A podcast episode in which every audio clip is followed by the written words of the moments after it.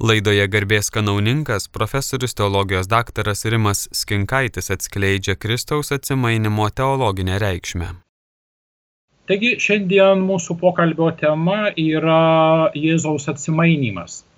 Tai vienas iš svarbiausių Jėzaus gyvenimo įvykių.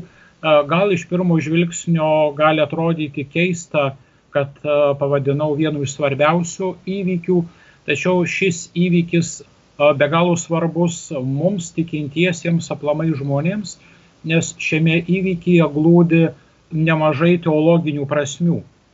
Ir dabar kaip tik tai per šį laiką pabandysiu tas prasmes atskleisti ir šiek tiek plačiau pakomentuoti. Pirmiausia, turbūt vertėtų pradėti nuo pačio pasakojimo, nuo paties įvykio.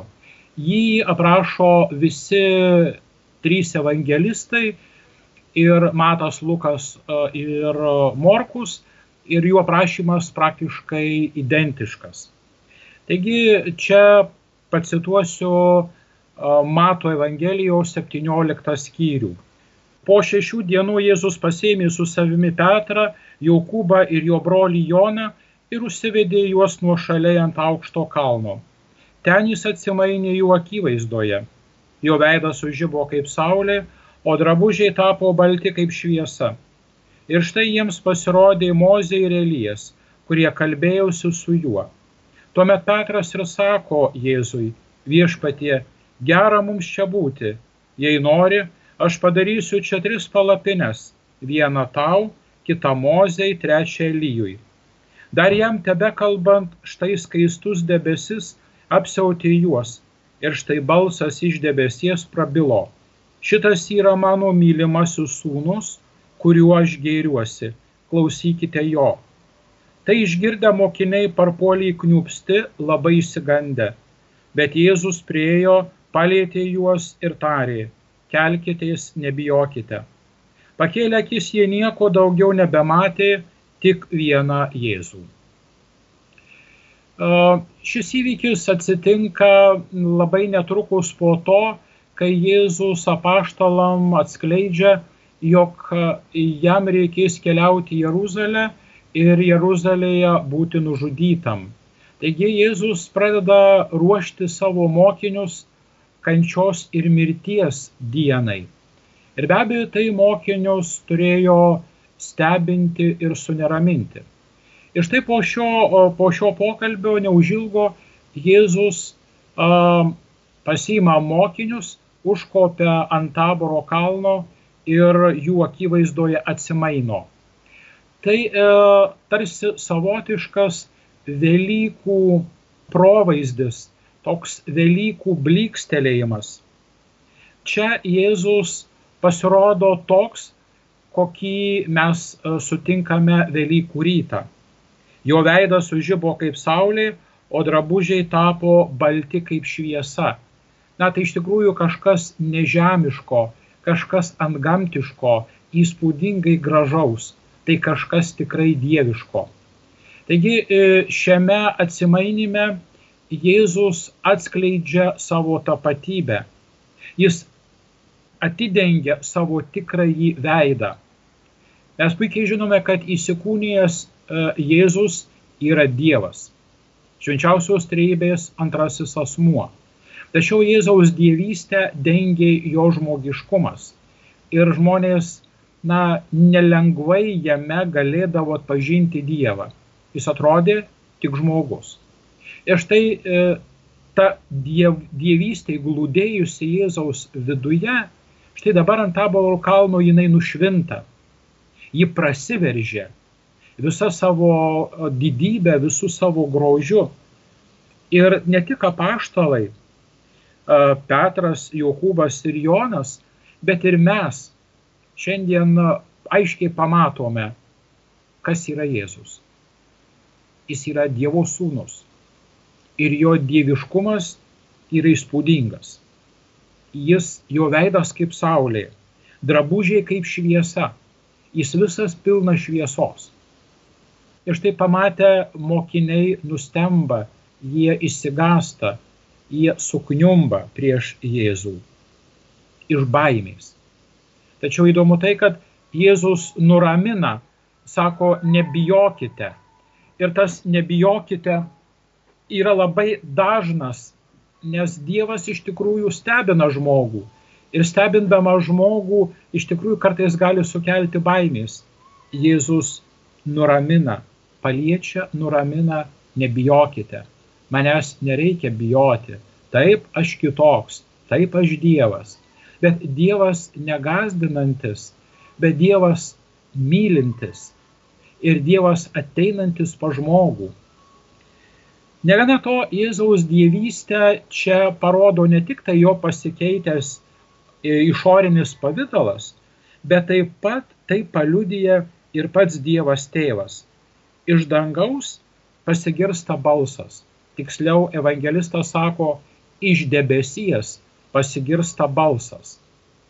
Taigi Dievas tėvas aiškiai a, įvardina, kad šitas yra mano mylimasis sūnus, kuriuo aš gėriuosi. Kitaip tariant, tiek apaštalams, tiek mums šiandien pasakoma, Jėzus nėra tik žmogus. Nėra tik dar vienas žmogus tarp daugybės kitų. Tai yra mano sūnus. Tai yra Dievo sūnus. Taigi dar kartą atskleidžiama ir patvirtinama Jėzaus tapatybė. Ir turbūt čia tiems, kurie suabejojo, ar čia Jėzus iš tikrųjų yra Dievas, nes tarkim apaštalai mato vaizdą, ir jiem galbūt gali pasirodyti, jog, na, jiem vaidenasi, galbūt jiems aptemo protas ar kažkoks tai gamtos reiškinys, kad prieš jų akis iškilo kažkoks miražas, štai tada lemiamą žodį taria Dievas tėvas.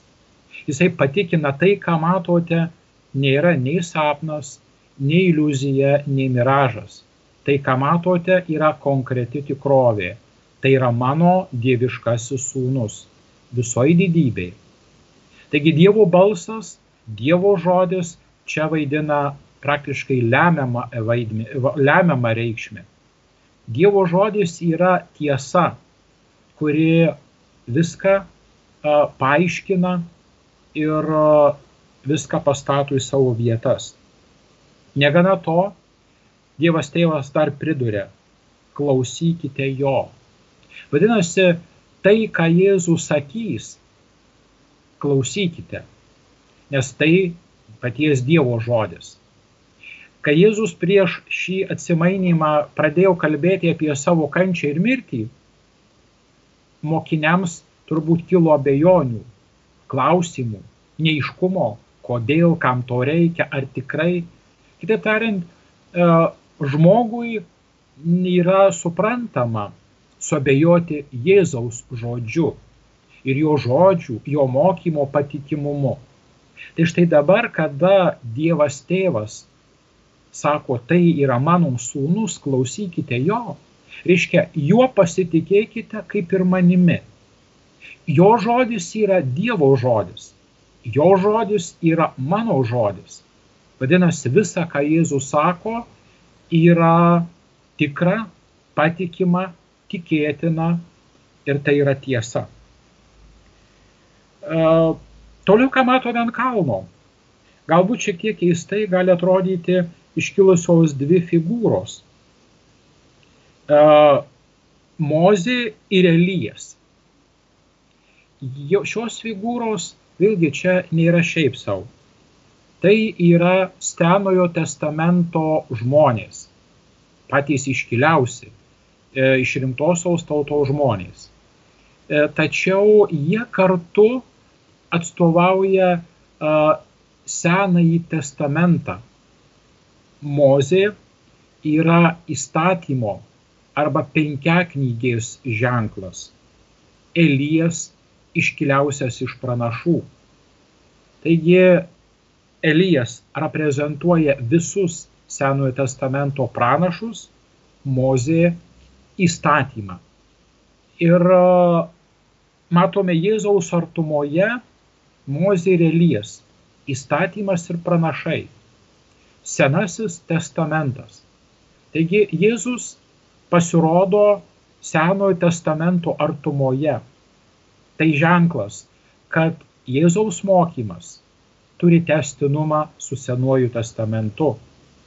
Kartai žmonės mano, kad Senąjį testamentą reikia nurašyti, padėti į archyvą, kaip jau pasenusi, praėjusi, nebegaliojantį, nebeaktualų dokumentą. Šis įvykis ant taboro kalno labai aiškiai byloja ne. Senasis testamentas nėra praeitis. Jis aktualus. Ir Jėzus turi ryšį su juo. Jėzus kalbasi, tai yra dialogas, tai yra ryšys, tai yra buvimas kartu. Vadinasi, tiek Senasis testamentas, tiek Naujasis, jie yra vienas Dievo žodis. Taip, iš dviejų dalių, taip iš dviejų etapų, bet jie yra kartu. Ir Jėzus reprezentuoja tuos naujuosius laikus, naująjį Dievo veikimo etapą žmonijos istorijoje, bet jis turi labai gilias sąsajas su Senuoju testamentu. Štai kodėl jie yra kartu. Tačiau kartu Jėzus parodo, kad jis pranoksta Senąjį testamentą. Matome ant šio kalno Mozė ir Elijas, jie su Jėzumi, bet Jėzaus šviesa jos tarsi šiek tiek uždengia arba užgožia. Vadinasi, Jėzus yra svarbesnis už Mozę ir Elyją. Jo šviesa yra ryškesnė. Taigi, Naujojo testamento šviesa apšviečia ir Senąjį testamentą. Be Naujojo testamento šviesos nesuvoktume Senojo testamento. Todėl Jėzus ir yra tasai raktas atrakinantis Senojo testamento tekstų prasme.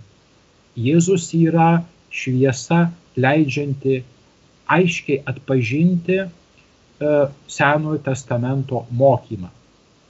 Štai kodėl šios trys figūros yra kartu. Štai kodėl jos yra iš vien. Kitas momentas. Mokiniai m, mm, tai pamatę, jie jaučiasi, na, savotiškai tarsi devintam danguje. Juos iš tikrųjų įspūdis pribloškia, bet gerąją prasme. Ir jie sako, viešpatie gera mums čia būti. Padarykime tris palapines. Vieną tau, kitą mozei, kitą lyjui. Kitaip tariant, viešpatie mums čia taip gera, kad mes niekur daugiau nenorime eiti. Mes norime pasilikti čia ir mėgautis tuo, ką patiriame dabar. Tai yra savotiškas, na, dangaus patyrimas Ir Jėzus ką sako? Jisai lyg ir nesako nieko, bet staiga visas tas grožis pradingsta. Ką tai reiškia? Tai reiškia, Jėzus, kaip minėjau, iš vienos pusės atidengia savo tapatybę, parodo savo dievišką įveidą, iš kitos pusės jis tarsi sako, štai kas jūsų laukia jis savotiškai parodo apaštalams, o per juos ir mums dangų. Dangus tai buvimas su Jėzumi. Dangus tai buvimas jo artumoje. Tai yra didžiausia laimė ir didžiausias džiaugsmas.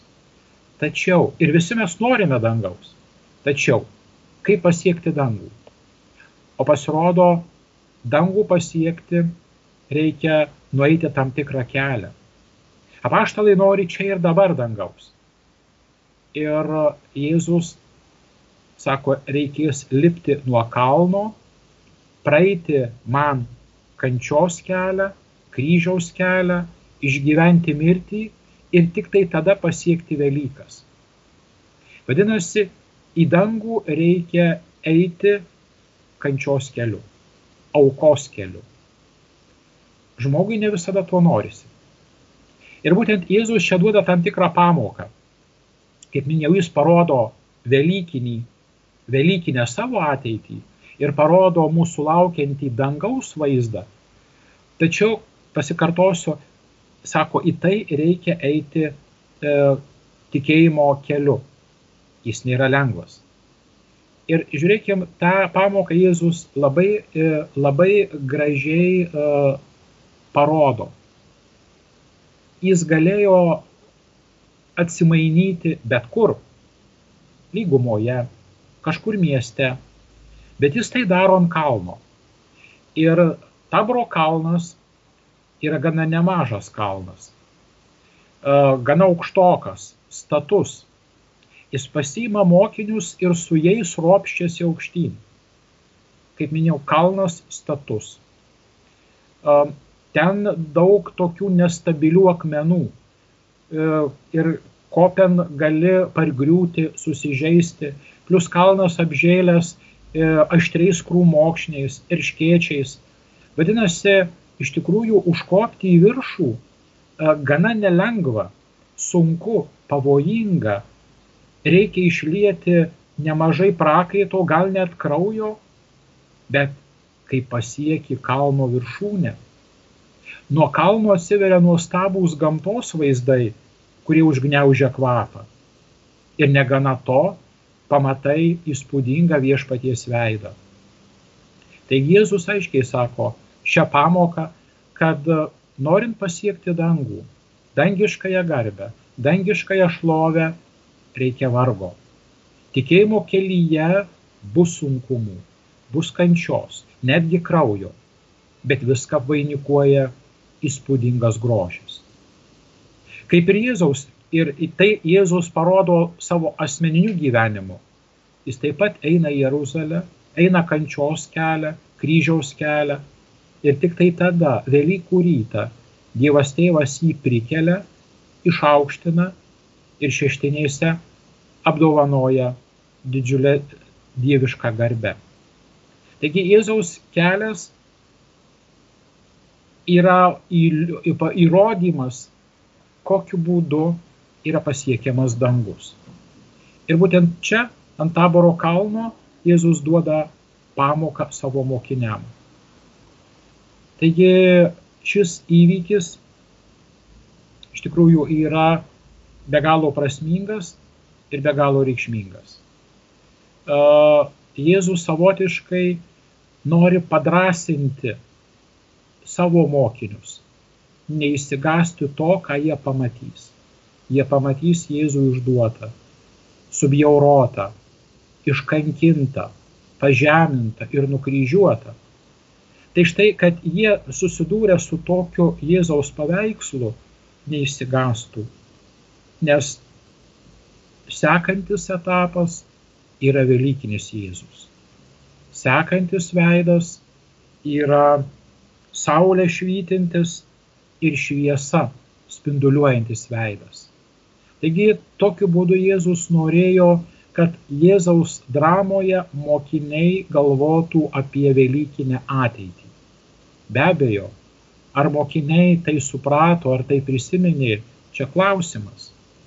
Bet tai kartu, ši istorija kartu yra padrasinimas ir mums, kada mus ištinka sunkumai, ištinka bėdos, negandos, prispaudžia vargas ar kančia. Jėzus tarsi kviečia įsižiūrėti į jo spinduliuojantį veidą šviesa ir meilė dvelkiant į veidą ir galvoti, kad po visų vargų, po visų sunkumų, po tikėjimo iššūkių ir tikėjimo kelionės mūsų laukia įspūdingas gyvenimas. Meilė švytinčio Dievo veido artumoje. Laidoje apie Kristaus atsimainimo teologinę reikšmę kalbėjo garbės kanauninkas profesorius teologijos daktaras Rimas Skinkaitis. Likite su Marijos radiju.